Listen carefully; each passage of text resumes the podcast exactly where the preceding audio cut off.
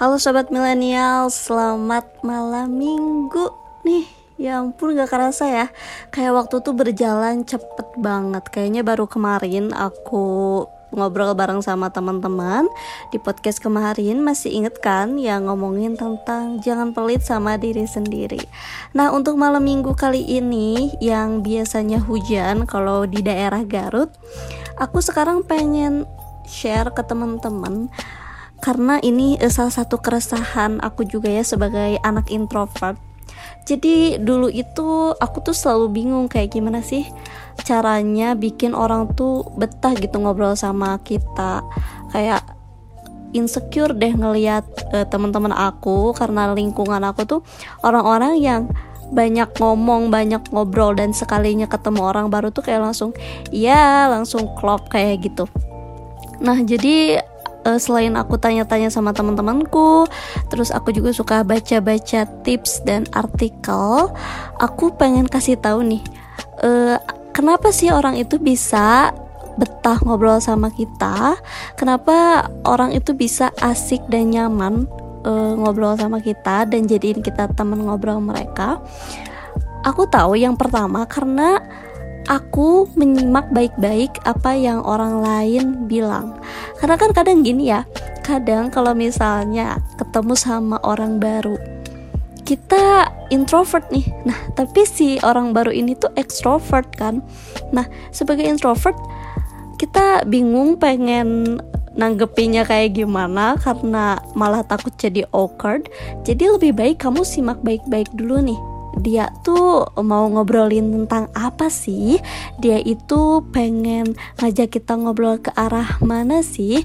Nah, kalau misalnya teman-teman udah menyimak dan menjadi tipe orang yang menyimak dengan baik, nah itu bisa menjadi uh, keunggulan ya supaya orang-orang itu bakalan betah untuk cerita dan ngobrol sama kamu. Karena kamu tuh ceritanya tuh kayak kalau orang itu cerita ke kamu kamu tuh menyimak. Jadi dia itu nggak perlu ngulang-ngulang lagi. Kan suka sebel ya kalau misalnya nih uh, kita lagi cerita. Terus orang yang dengerin cerita eh jadi tadi sampai mana sampai mana? Kan kadang kita suka agak kesel ya karena kayak ya kita harus ulang lagi kadang lupa gitu sama apa yang kita ceritain. Nah maka dari itu uh, sebagai pengalaman aku juga oh jadi supaya orang-orang nyaman untuk ada di sekitar kita untuk ngobrol sama kita ada baiknya kita dari awal menyimak dengan baik apa yang orang lain katakan kepada kita. Nah yang selanjutnya adalah uh, kita tuh harus cepat tanggap soal banyak topik. Nah ini sebenarnya agak susah sih ya, nggak agak susah sih, semuanya mudah kalau kita mencoba. Nah, di sini juga kita dilatih untuk menjadi orang yang open minded, jadi orang yang wawasannya luas, jadi bisa masuk ke pergaulan mana aja, bisa masuk ke obrolan apa aja, enggak yang hah, hah? Malah cengok gitu. Pas orang lagi ngobrolin apa kita malah nggak tahu gitu ya. Nah, kita itu jangan sampai jadi orang kayak gitu jadi mau gak mau kalau misalnya kamu pengen punya banyak teman pengen uh, circle-nya tuh lebih luas pengen punya teman di sana di sini ya kamu juga harus uh, tahu topik-topik yang uh, lagi ngetren topik-topik yang lagi banyak dibicarakan supaya kamu juga bisa tanggepin omongan lawan bicara kamu. Misalnya lawan bicara kamu tuh lagi ngobrolin topik apa. Jadi kamu oh yang ini ya oh yang itu. Kan kalau bisa kayak gitu kalau yang namanya timbal balik kan seru banget ya. Jadi itu juga bisa um, salah satu poin ya poin penting untuk menjadikan orang-orang itu nyaman ngobrol sama kamu. nih nah uh, terus aku juga kurang suka ya kalau misalnya aku lagi cerita. Terus orang itu tuh udah yang kayak interupsi. Itu tuh bener-bener gak enak banget diinterupsi. Seperti yang kemarin itu yang masalah mic itu. Masalah interupsi masalah mic. Cuma aku selip kalau yang masalah mic kemarin uh, kenapa dia tidak diizinkan interupsi. Cuma kalau misalnya beda lagi ini kalau misalnya kita lagi cerita nih. Terus kayak dia tuh udah nggak interupsi cerita kita dia tuh udah yang kayak ah jadi lu tuh harusnya kayak gini gini gini. Jadi gini gini gini gini gini gini gini. Padahal cerita kita tuh belum selesai gitu nah. Jadi kita tuh sebaiknya sebagai uh, makhluk sosial sebagai manusia jangan pernah kayak dan langsung menghakimi ketika ada orang yang lagi cerita sama kita. Karena kalau misalnya udah kayak gitu pasti langsung awkward dan obrolannya tuh jadi kayak berjalan gak seimbang. Karena kayak udah males gitu udah kayak gak ada vibesnya gitu gak sih? Kayak ilah padahal belum selesai ceritanya tapi dia udah kayak gini. Itu bener-bener gak enak banget. Jadi sebaiknya kita menghindari yang namanya menghakimi interupsi dan langsung kayak menyudutkan oh jadi kayak gini ini itu kayak sok tahu itu tuh enggak jadi lebih baik kita harus dengerin dulu nih cerita dia sampai akhir. Kita uh, dengerin. Setelah dengerin kalau misalnya uh, dia nanya ya kita tanggepin gitu.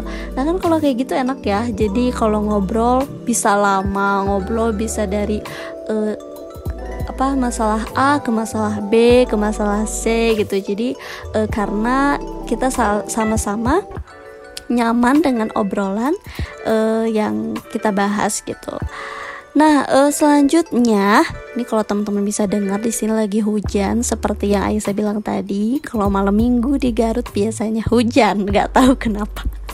Oke, okay, next kita kembali lagi ke topik.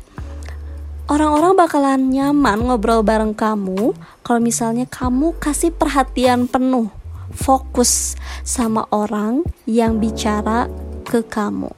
Nih, kita kan seperti yang aku tadi bilang tadi ya, kita pasti kesal kalau pas kita bicara tapi orang yang lagi ngobrol itu malah sibuk main HP. Jadi sumpah ini sering banget terjadi sih sama aku. Kayak misalnya aku lagi cerita apa terus tapi dia dia tuh sambil main HP abis itu dia nggak fokus lalu nanya lagi hah apa tadi? Nah itu tuh no itu tuh malah bikin kayak aduh males banget sih kayak cerita tapi harus diulang-ulang dan si lawan bicara kita itu malah sibuk sendiri gitu. Entah main ponsel entah main HP entah main game entah ngapain lah gitu. Nah kita harus punya kepribadian uh, untuk memberi perhatian penuh pada lawan bicara ketika mengobrol ya. Supaya mereka itu betah bicara sama kita betah untuk ngobrol betah untuk sharing. Karena kalau misalnya nih kita menaruh perhatian sama si orang yang cerita sama kita dia bakal ngerasa di harga dirinya tuh kayak naik dan dia merasa dihargai banget sama kita karena kita fokus untuk ngedengerin ceritanya dia gitu. Nggak yang kita cuek kita cuma uh, ngedengerin dia tapi pikiran kita ke mana. Itu nggak enak banget ya. Karena kalau misalnya ya namanya ngobrol kan namanya ngobrol ya kita bisa taruh dulu handphonenya kita kesampingin dulu. Apalagi uh, lagi zaman kayak gini tuh udah jarang banget ya yang namanya kayak ngobrol-ngobrol kayak gitu. Nah hal itu tuh harus uh, dihindari hal-hal cuek kita ngobrol tapi sambil main handphone itu sebaiknya kita hindari. Nah dan uh, yang terakhir ini tuh sebenarnya masih masuk ke yang tadi ya yang tentang berwawasan luas yaitu open minded dengan topik-topik sensitif. Nah, uh, ini sebenarnya uh, pengen aku bahas juga. Jadi mungkin buat teman-teman yang ada yang follow aku di Instagram, aku tuh uh, sempat post uh, foto, foto gitu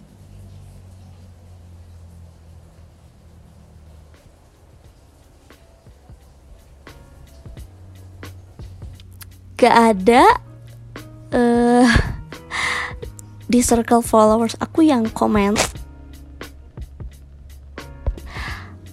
Padahal aku tuh berharap uh, mereka kayak banyak yang ya mengutarakan pendapatnya aja gitu. Cuma dan aku juga nggak bisa memaksakan. Uh, cuma aku agak kecewa juga sih karena padahal suicide thing ini atau tanda kutip pemikiran bunuh diri ini bisa terjadi kapan aja, bisa uh, ada di siapa aja, bisa mungkin pernah terlintas di pikiran keluarga kita, sahabat kita sendiri, teman kita gitu. Nah, uh, kalau misalkan uh, kita tahu, kita tahu ilmunya, kita tahu, kita sering baca jurnal, kita sering baca artikel tentang topik-topik yang uh, semacam ini, sensitif ini, ini malah bisa kasih uh, dampak positif ya. Jadi kita kayak uh, bisa berdiskusi tentang ini gimana ya caranya supaya uh, kita itu kalau misalnya ada temen yang kayak gitu kita harus kayak gimana gimana cara supportnya gimana e, cara kita kasih nasihat gimana cara kita untuk e, selalu mengawasi dia kayak gitu Nah hal-hal sensitif ini uh, kadangkala disalahartikan sama beberapa orang kayak ah gak usah lah bahas-bahas kayak gitu gak usah lah bahas.